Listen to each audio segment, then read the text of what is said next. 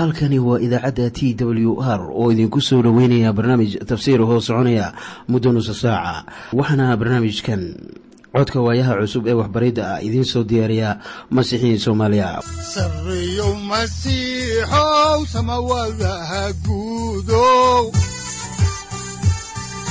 Siraadkii adduunkow subanaha eebow sareyow masiixow samawadaha guudow siraadkii adduunkow subanaha eebow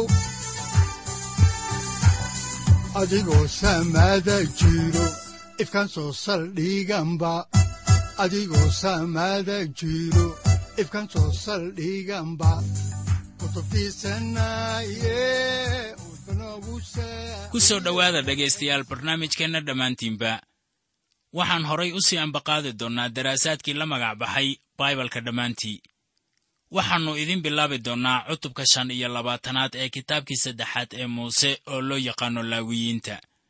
Balse aynu haatan wada dhegaysanno qhasiidadan soo socota oo ay inoogu luqeeyaan culimmo soomaali ah oo masiixiyiin ah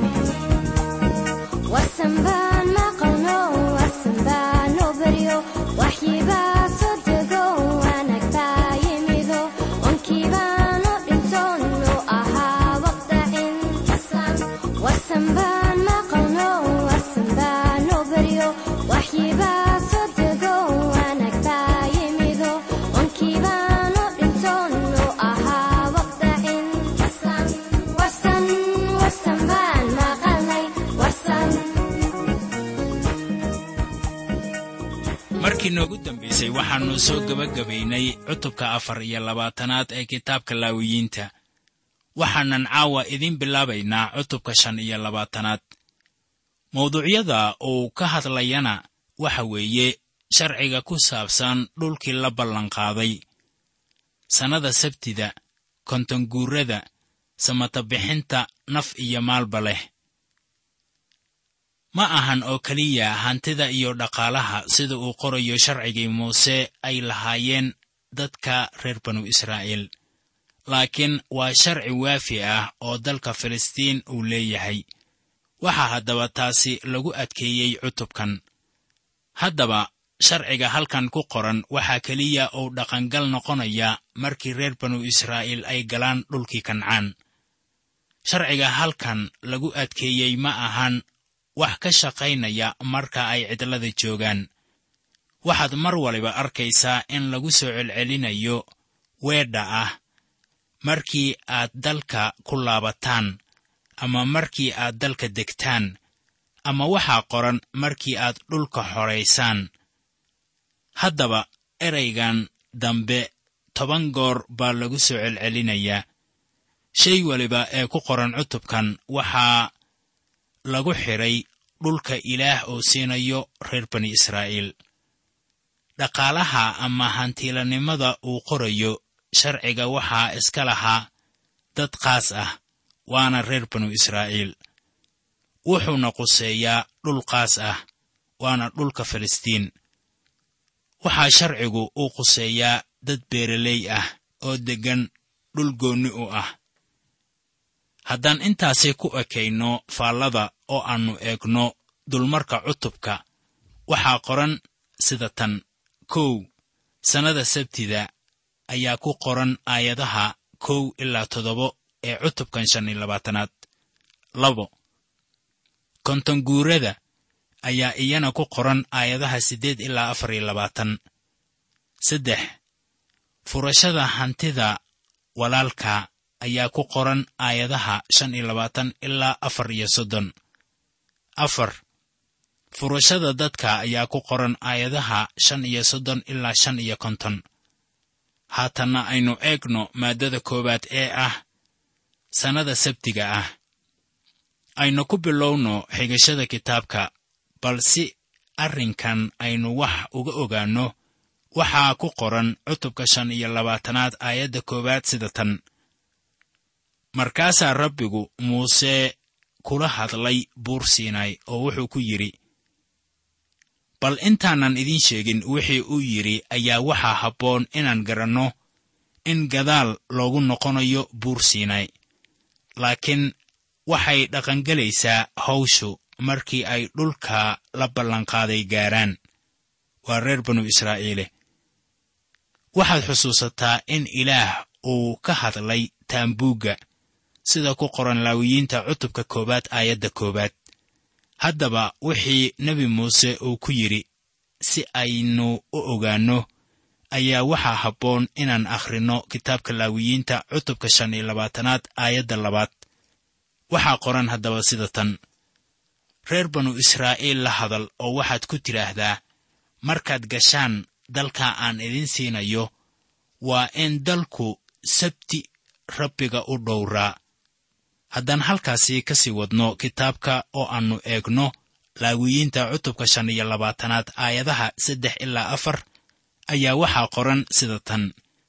Lix sannadood waa inaad beertaada beerataa oo lix sannadoodna waa inaad beertaada canabka ah baarka ka jartaa oo midhaheedana waa inaad soo xaraysataa laakiinse sannada toddobaad waa inay dhulka u ahaataa sabti nasasho weyn ah oo taasu waa sabti rabbiga loo dhowro oo waa inaadan beertaada beeran ama aadan beertaada canabka ah baarka ka jarin.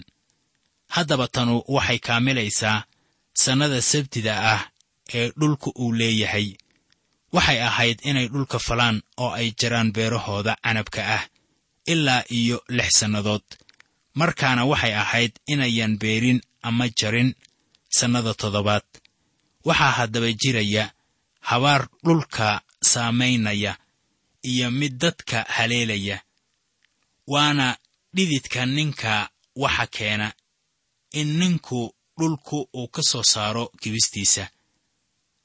Haddaan dib ugu noqonno kitaabka laawiyiinta cutubka shan iyo labaatanaad aayadaha shan ilaa toddoba ayaa haatan waxaa qoran sida tan.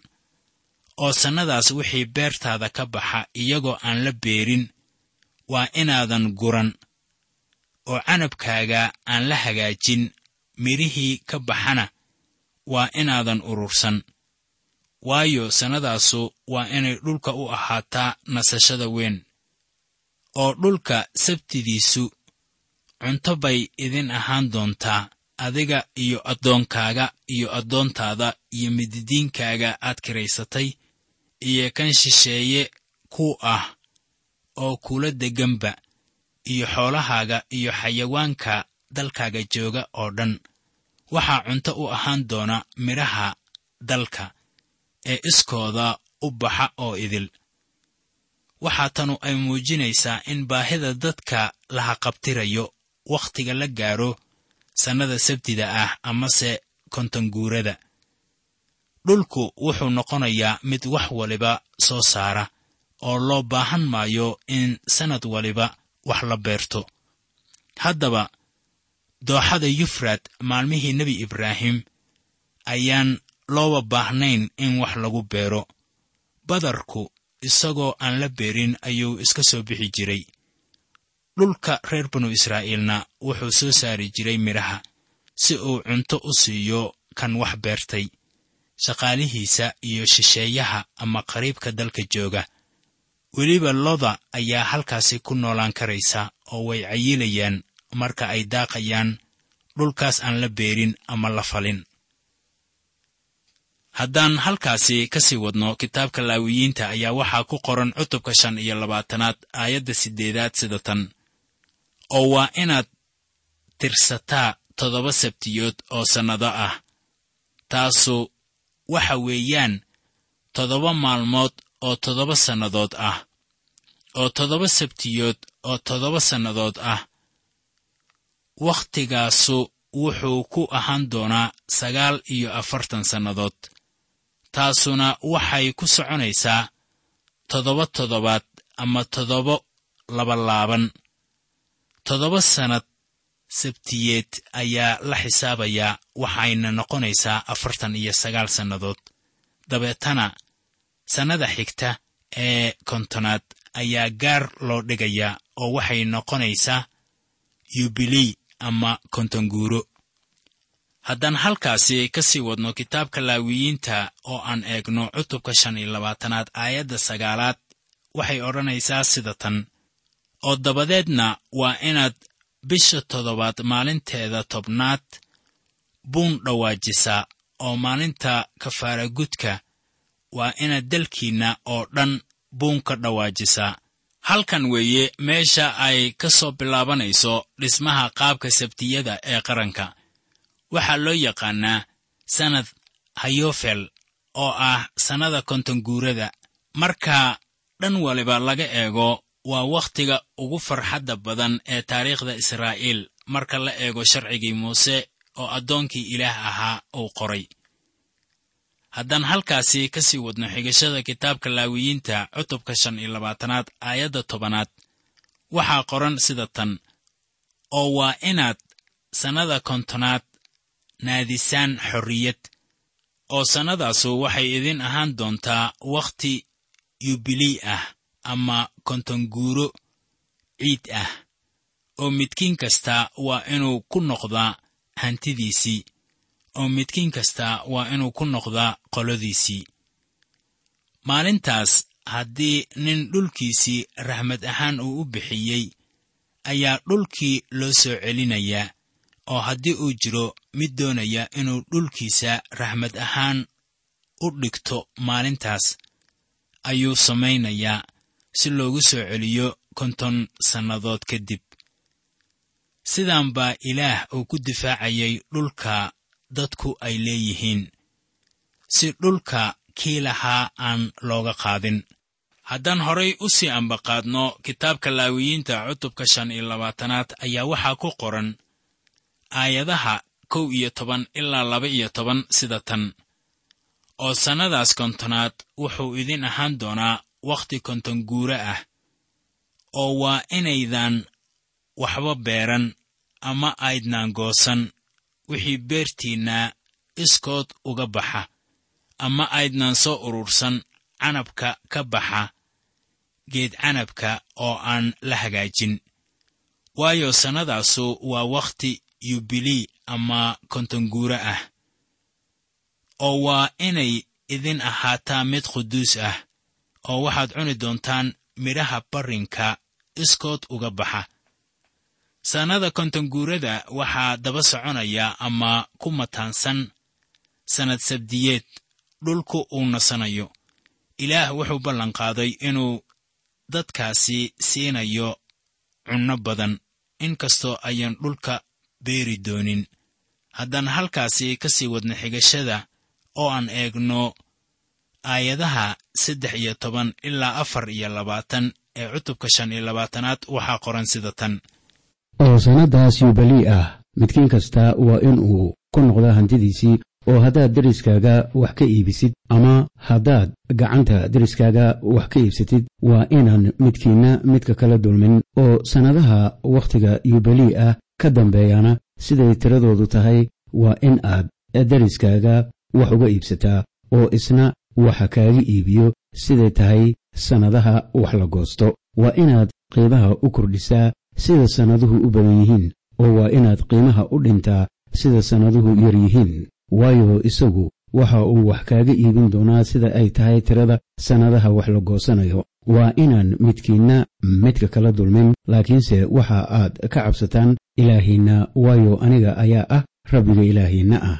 Haddaba sidaas daraaddeed waa inaad qaynuunadayda yeeshaan oo aad xukuumaddaydana dhowrtaan oo yeeshaan oo markaasaad dalka ammaan ku deganaan doontaan oo dhulkuna waxa uu dhali doonaa birihiisa oo waxaad cuni doontaan waxa aad ka dheragtaan oo dalkana ammaan baad ku deganaan doontaan oo haddaad istidhaahdaan bal maxaynu sannadda toddobaad cuni doonnaa waayo waxba ma aynu beeran doonno oo soomana urursan doonno midhaheenna markaas anigu sannadda lixaad ayaan barakadayda idin amri doonaa oo waxaa dhulka idinka soo bixi doona midho saddex sannadood ku filan oo sannadda siddeedaadna waxbaad beeran doontaan oo waxaad cuni doontaan midhihii hore oo tan iyo ilaa aad midhaha sannadda sagaalaad soo xidhaysataan waxaad iska cuni doontaan midhihii hore oo dalkana waa inaydan hanti weligeeda u iibin waayo dalka anigaa iska leh oo idinna waxaad tihiin shisheeyaal iyo socoto ila jooga oo dalka aad hantida u leedihiin oo dhan waxaad dhulka uga oggolaataan furasho haatanna aynu eegno maaddadan ah furashada hantida haddaan halkii ka sii wadno xigashada oo aan eegno kitaabka laawiyiinta cutubka shan iyo labaatanaad aayadaha shan iyo labaatan ilaa toddoba iyo labaatan waxaa qoran sida tan. Oo haddii walaalkaa miskiin noqdo oo uu hantidiisa qaar iibiyo markaas xigaalkiisa ugu dhow ha yimaado oo ha u furto wixii walaalkiis iibiyey oo nin hadduusan lahayn qof isaga u furta laakiinse uu mar dambe helo wax ku filan inuu dhulkiisii ku soo furto. Markaas ha tiriyo sannadaha la iibiyey oo waxa dheeraadka ah ha u celiyo ninkii uu ka iibiyey oo hantidiisii ha ku noqdo. Haddaba waxay noqonaysaa wakhti dheer inta u dhaxaysa sannad konton guuro ah iyo midda xigta. Haddii nin uu lumiyo hantidiisa kadib sannada kontonguurada ayaa waxaa suuragal noqonaysa inaannu soo gaarin sannada kale ee kontonguurada markaana ilaah xaal kale ayuu sameeyey si dhulka kii lahaa loogu celiyo. Haddii uu jiro nin qaraabo ah oo hanti leh ayaa ninkaasu uu u soo furanayaa ninka raxmad ahaanta looga qaatay hantidiisii haddii ninkaas maalqabeenka ahi uu rajaynayo. Markaasaa dib loogu celinayaa dhulka kii lahaa waxayse ku xidhan tahay in ninkaas qaraabada ahi uu doonayo inuu soo furto dhulka tolkiis laga xaraashayo ilaa muddada kontonka sannadood ah. Kaasuna waa sharciga furashada reer tolka kaasoo aynu ku arki doonno sida uu u shaqeeyo kitaabka ruut weli waxaan bartamaha kaga jirnaa xigashada kitaabka laawiyiinta waxaanan eegaynaa aayadaha siddeed iyo labaatan ilaa afar iyo soddon ee cutubka shan iyo labaatanaad. Waxaa qoran sida tan laakiinse hadduusan soo ceshan karin markaas wixii u iibiyey waxay ku sii jiri doonaan kii ka iibsaday gacantiisa tan iyo sannada yubiliga ah oo sannada yubiliga ah ayaa waxaasu gacantiisa ay ka bixi doonaan oo isna markaasuu hantidiisa ku noqon doonaa oo qof hadduu iibiyo guri lagu hoydo oo magaalo dayr leh ku yaal. Markaas intii sannad dhan ah wuu soo furan karaa gurigiisii uu iibiyey. Waayo sannad dhan ah wuxuu xaq u leeyahay inuu soo furto. Oo haddaan la soo furan intii sannad dhan markaas gurigii magaalada deer ku yiil waa inuu weligii hanti u ahaadaa qofkii iibsaday oo tan iyo ab ka ab isagaa iska leh.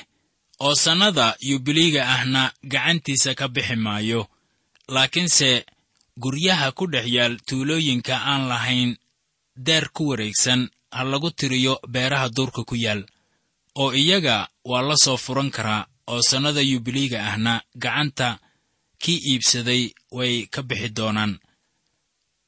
Hase yeeshee magaalooyinka reer laawi saas ma aha oo reer laawi mar kasta way soo furan karaan guryaha ku dhex yaal magaalooyinka ay iyagu hantida u leeyihiin. Oo mid reer laawi ah hadduu soo furto markaas gurigii la iibiyey iyo magaaladii hantidiisa ahaydba waxay bixi doonaan wakhtiga yubiliiga ah. Waayo guryaha ku dhex yaal magaalooyinka reer laawi waa hantidooda oo ku dhex jirta reer banu israa'iil. Laakiinse waa inaan la iibin beertii ku taal agagaarka magaalooyinkooda. Waayo taasu waa hantidooda weligeed ah. Sharci ayaa haatan la sameeyey oo ku saabsan hooyga iyo hantida dhismayaasha ah. Hantida layskala wareego ayaa haatan la eegayaa haddaba waxaa jira sharciyo kala duwan oo quseeya reer laawi.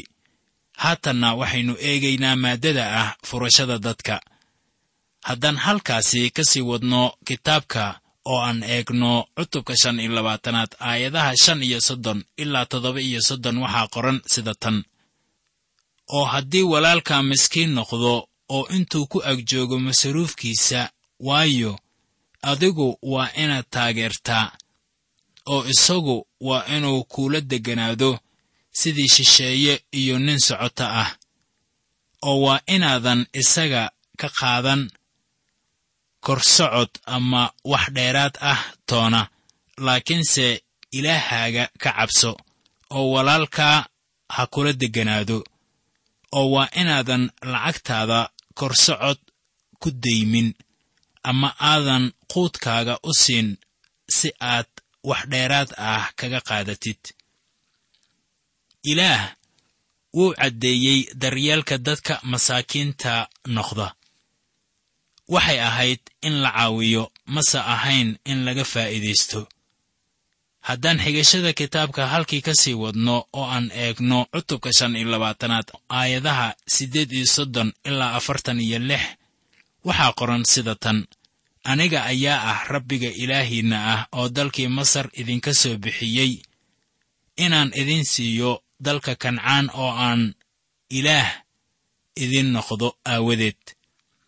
Oo haddii walaalkaa miskiin noqdo isagoo kula jooga oo uu iska kaa iibiyo.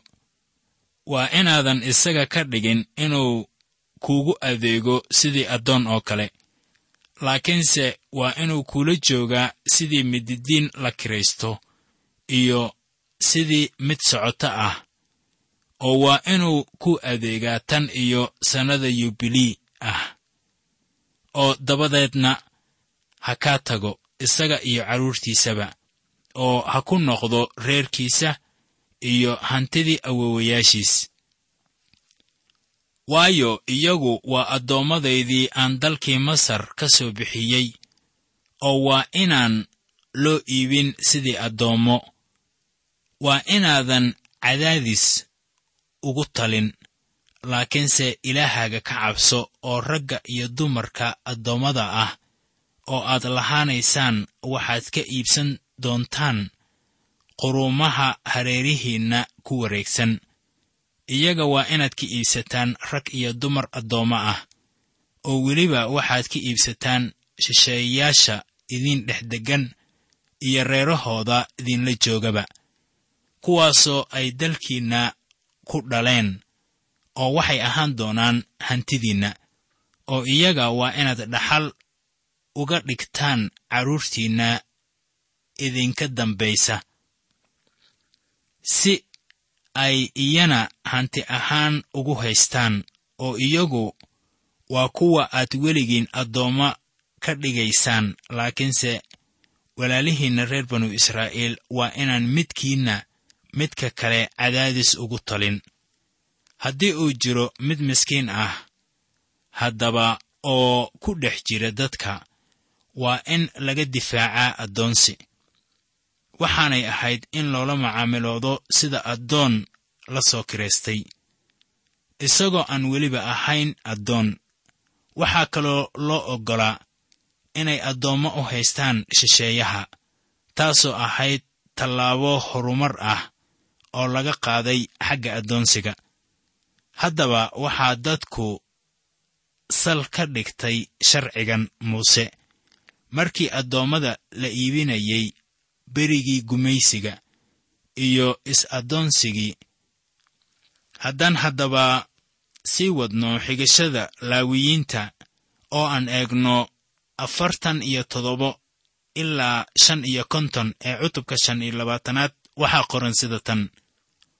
Oo haddii shisheeye ama socoto uu kula joogo uu taajir noqdo oo walaalkana uu agtiisa miskiin ku noqdo oo uu markaasi iska iibiyo shisheeyaha ama socotada kula jooga amase shisheeyaha qoladiisii. Markii la iibiyo dabadeed waa la soo furan karaa. Walaalihiis mid ka mid ahu waa soo furan karaa ama adeerkiis ama ina adeerkiis way soo furan karaan. Amase midkii xigaal u dhow ah oo qoladiisa ahu waa soo furan karaa amase isaga qudhiisu hadduu taajir noqdo waa isfuran karaa isaga iyo kan isaga iibsaday waa inay tiriyaan sannadihii u dhexeeyey sannadii uu iibsaday. Iyo sannadda yubalii ah oo qiimihii iibka waa in uu ahaadaa si waafaqsan tiradii sannadaha. Oo wakhtiguu la joogay waa inuu ahaadaa sida wakhtiga shaqaalo la kiraysto oo haddii sannado badanu ay weli dhiman yihiin inta ay yihiin oo kale iyaga ha uga celiyo qiimihii furashadiisa oo ha uga bixiyo lacagtii lagu iibsaday. Laakiinse haddii sannado yaru ay ka dhiman yihiin sannada yubiliiga ah markaas waa inuu isaga la xisaabtamo oo inta sannadihiisu ay yihiin oo kale waa inuu ka celiyaa qiimihii furashadiisa oo waa inuu isaga ula joogaa sida shaqaalo la kiraysto sannad ka sannad oo isaga waa inuusan cadaadis hortaada ugaga talin oo isaga haddaan sidaan lagu soo furan markaasuu sannada yubiliiga ah bixi doonaa isaga iyo carruurtiisaba waayo reer banu israa'iil anigay addoommo ii yihiin oo iyagu waa adoommadaydii aan ka soo bixiyey dalkii masar. Aniga ayaa ah rabbiga ilaahiinna ah.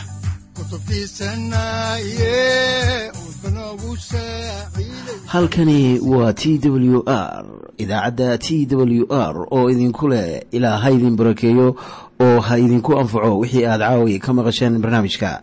Waxaa barnaamijkan oo kalaa aad ka maqli doontaan habeen dambe. Hadahan oo kale haddiise aad doonaysaan in aad fikirkiina ka dhiibataan wixii aad caawi maqasheen ayaad nagala soo xiriiri kartaan som t w r at t w r c o k e haddii aad doonaysaan in aad dejiisataan oo kaydsataan barnaamijka ama aad mar kale dhegaysataan fadlan mar kale booqo www t w r o r g amase waxaad teleefoonkaaga ku kaydsataa ama ku download garaysataa agabyada ku sahli karaa dhegeysiga t w r haddii aad doonayso in laga kaalmeeyo dhinacyada fahamka kitaabka amase aad u baahan tahay duco fadlan fariimahaaga soo mari bogga aaraahda ama kommentska inana jawaab degdeg ah ayaanu ku soo diri doonaa amase ku siin doonaaye